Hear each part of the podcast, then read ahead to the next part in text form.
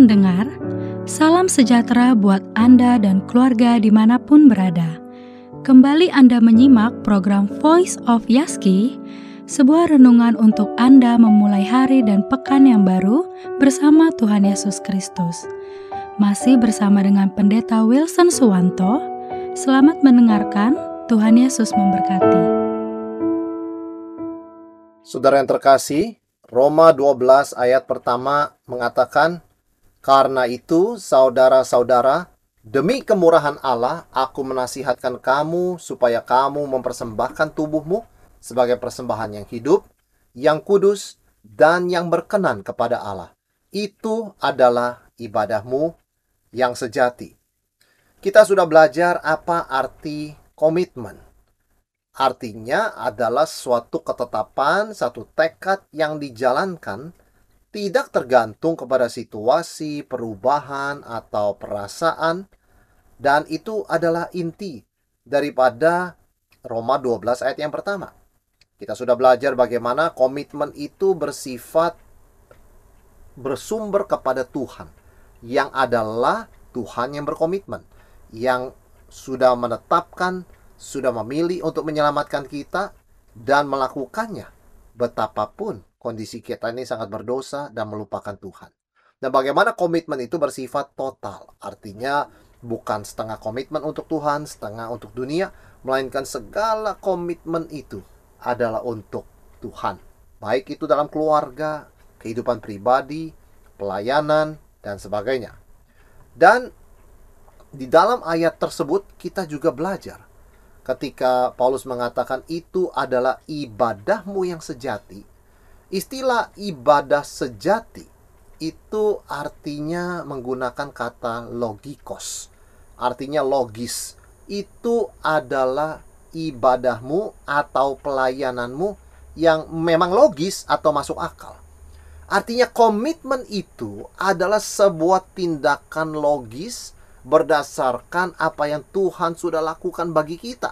Tuhan begitu beranugerah, bermurah hati kepada kita dia menepati janjinya apa pun kondisi kita. Bahkan kita pun tidak mengakui, kita pun tidak peduli kepada Tuhan. Tetapi dia tetap mengasihi kita karena dia Tuhan yang berkomitmen kepada firmannya, kepada janjinya, dan dia menepatinya. Karena itu ketika kita berkomitmen menyerahkan seluruh diri kita menjadi sebuah persembahan yang kudus berkenan kepada Allah, itu sangat logis. Itu masuk akal jadi hidup dengan komitmen itu adalah sesuatu yang logis bagi orang Kristen. Bukan sesuatu yang extraordinary atau luar biasa. Wah, orang ini luar biasa berkomitmen. Komitmen itu sesuatu yang biasa dan logis dan seharusnya, sepatutnya, sewajarnya bagi orang Kristen. Bukan sesuatu yang ekstra atau luar biasa. Hidup dengan komitmen itu sesuatu yang logis. Menikah lalu berkomitmen dalam pernikahan itu Ya jelas logis. Kalau tidak mau berkomitmen, tentunya jangan masuk dalam pernikahan. Demikian pula ketika orang, orang bersekolah, juga perlu komitmen. Itu sesuatu yang logis. Demikian pula ketika orang masuk dalam pelayanan, dia harus berkomitmen. Itu sesuatu yang logis. Tanpa komitmen, maka tidak mungkin orang bisa menjalankan semua hal itu dengan baik. Karena itu sangat-sangat masuk akal, sangat-sangat logis ketika orang itu membangun atau bersikap komitmen. Dengan kata lain, orang yang tidak sungguh-sungguh komitmen itu tidak logis. Keputusannya tidak logis, pilihannya tidak logis, kehidupannya juga tidak logis. Mengapa? Karena dia hanya mengikuti perasaan sesaat, menggebu-gebu pada satu titik, dan tiba-tiba bisa menghilang dari pelayanan, sangat tidak logis. Tidak ada penjelasan, tidak ada alasan yang masuk akal. Ketika kita mengalami masalah, dan memang dalam hidup ini kita bisa mengalami banyak masalah. Logisnya adalah mencari solusi. Bukan menyalahkan, bukan mencari kambing hitam, bukan mengeluh terus-menerus, apalagi menyalahkan Tuhan. Nah ini, komitmen itu sangat logis, sangat masuk akal. Hidup kita yang penuh dengan komitmen adalah hidup yang masuk akal, hidup yang logis. Jadi dengan kata lain kalau seorang adalah orang Kristen, sudah diselamatkan oleh Allah yang penuh dengan komitmen untuk menyelamatkannya. Lalu dia hidup tanpa komitmen, dia menjalani hidup yang tidak logis. Tuhan begitu baik, begitu berkomitmen kepada kita. Sampai bukan hanya kita selamat, tetapi selamat sampai selamanya. Karena komitmen Tuhan tidak pernah berubah. Tidak hari ini Tuhan berkata, aku menyelamatkan kamu. Besok-besok Tuhan kemudian tersakiti oleh dosa kita. Dan dia mengubah komitmennya dan mengatakan, aku tidak mau menyelamatkan kamu. Tuhan tidak demikian. Itu sebabnya karena Tuhan kita penuh dengan komitmen. Bukan hanya memberikan kita keselamatan, tapi memberikan kita kepastian keselamatan untuk selamanya. Maka kita wajib hidup dengan komitmen. Ini adalah sesuatu yang masuk akal, yang logis. Kita tidak mau menjadi orang yang tidak logis. Kita tidak mau menjadi orang yang mengikuti perasaan sesaat, keputusan yang tidak jelas, mengikuti suasana, tidak stabil, tidak tenang, tidak berakar, tidak bertumbuh, dan tidak berbuah. Atau komitmen yang hanya setengah-setengah. Jelas itu irasional. Sama seperti orang berdiri di atas dua perahu. Tidak bisa maju, tidak bisa mundur, hanya bisa di tempat, goyang, jat dan jatuh pasti tenggelam. Jadi kita belajar bagaimana kita bisa mengerti arti hidup berkomitmen. Yaitu kita menyadari bahwa ini sesuatu yang niscaya, sesuatu yang seharusnya, sesuatu yang sewajarnya. Sehingga menimbulkan pertanyaan bagaimana kita bisa teguh dan total dalam komitmen pelayanan. Yang memang adalah sesuatu yang logis. Tidak komitmen itu justru tidak logis. Yang pertama kita belajar, pikiran kita harus diperbarui. Maka dalam Roma 12 ayat 2 dikatakan jangan menjadi serupa dengan dunia ini, tetapi berubahlah oleh pembaruan budimu atau pikiranmu. Kalau pikiran kita itu diperbarui, artinya uh, segala pikiran-pikiran lama seperti malas, kompromi, mencari yang gampang, mengikuti hawa nafsu dunia, kita buang itu dari pikiran kita mohon pertolongan Tuhan. Tuhan, buanglah, tolonglah saya untuk membuang pikiran-pikiran yang salah ini, yang tidak sesuai dengan firman-Mu, yang tidak berpusat kepada Kristus. Cara pikir kita sangat mudah dipengaruhi oleh dunia di sekitar kita. Mudah sekali kita berpikir dan bersikap, berkata, dan hidup seperti orang di sekitar kita. Karena itu, sebagai orang Kristen yang berkomitmen mempersembahkan segalanya untuk Tuhan, kita bukan mengikuti dunia, tapi kita diubahkan berbeda dari dunia, lebih mirip Tuhan Yesus. Nah, itu sebabnya rahasia orang bisa berkomitmen adalah pikirannya bukan ikuti dunia, bukan ikuti mayoritas, bukan mengikuti tren, tetapi kembali kepada firman, kembali kepada prinsip kebenaran. Dan itulah komitmen. Kita harus memenangkan pertempuran dalam pikiran kita antara keinginan ikut dunia dengan keinginan ikut firman Tuhan. Ketika kita menang dalam pertempuran dalam pikiran kita, maka komitmen menjadi sesuatu yang mengalir begitu lancar di dalam kehidupan kita.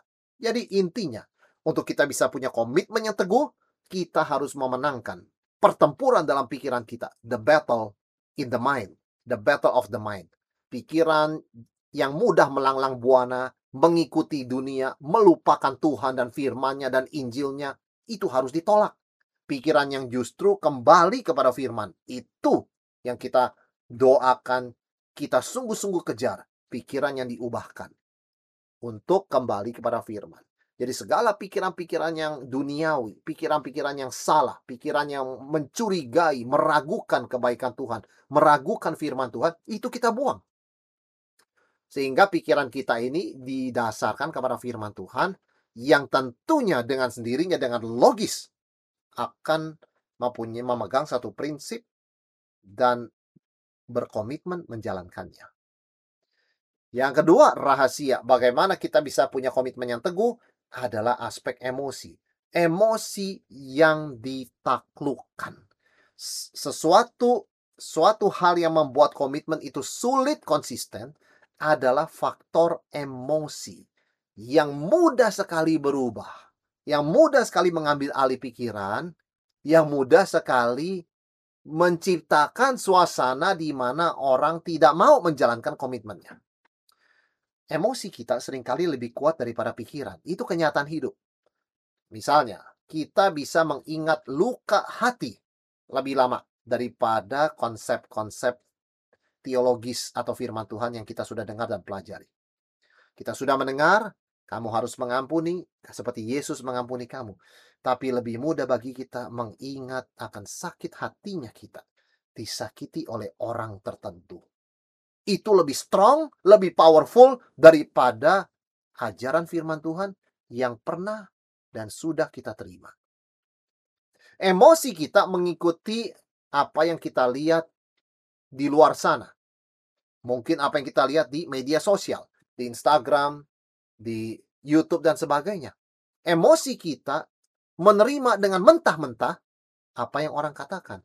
Sehingga kita bisa merasa sakit hati kalau dihina. Tidak lagi diproses, tidak lagi dilihat mm, masalah perkataan orang, tetapi langsung dirasakan. Itulah emosi kita.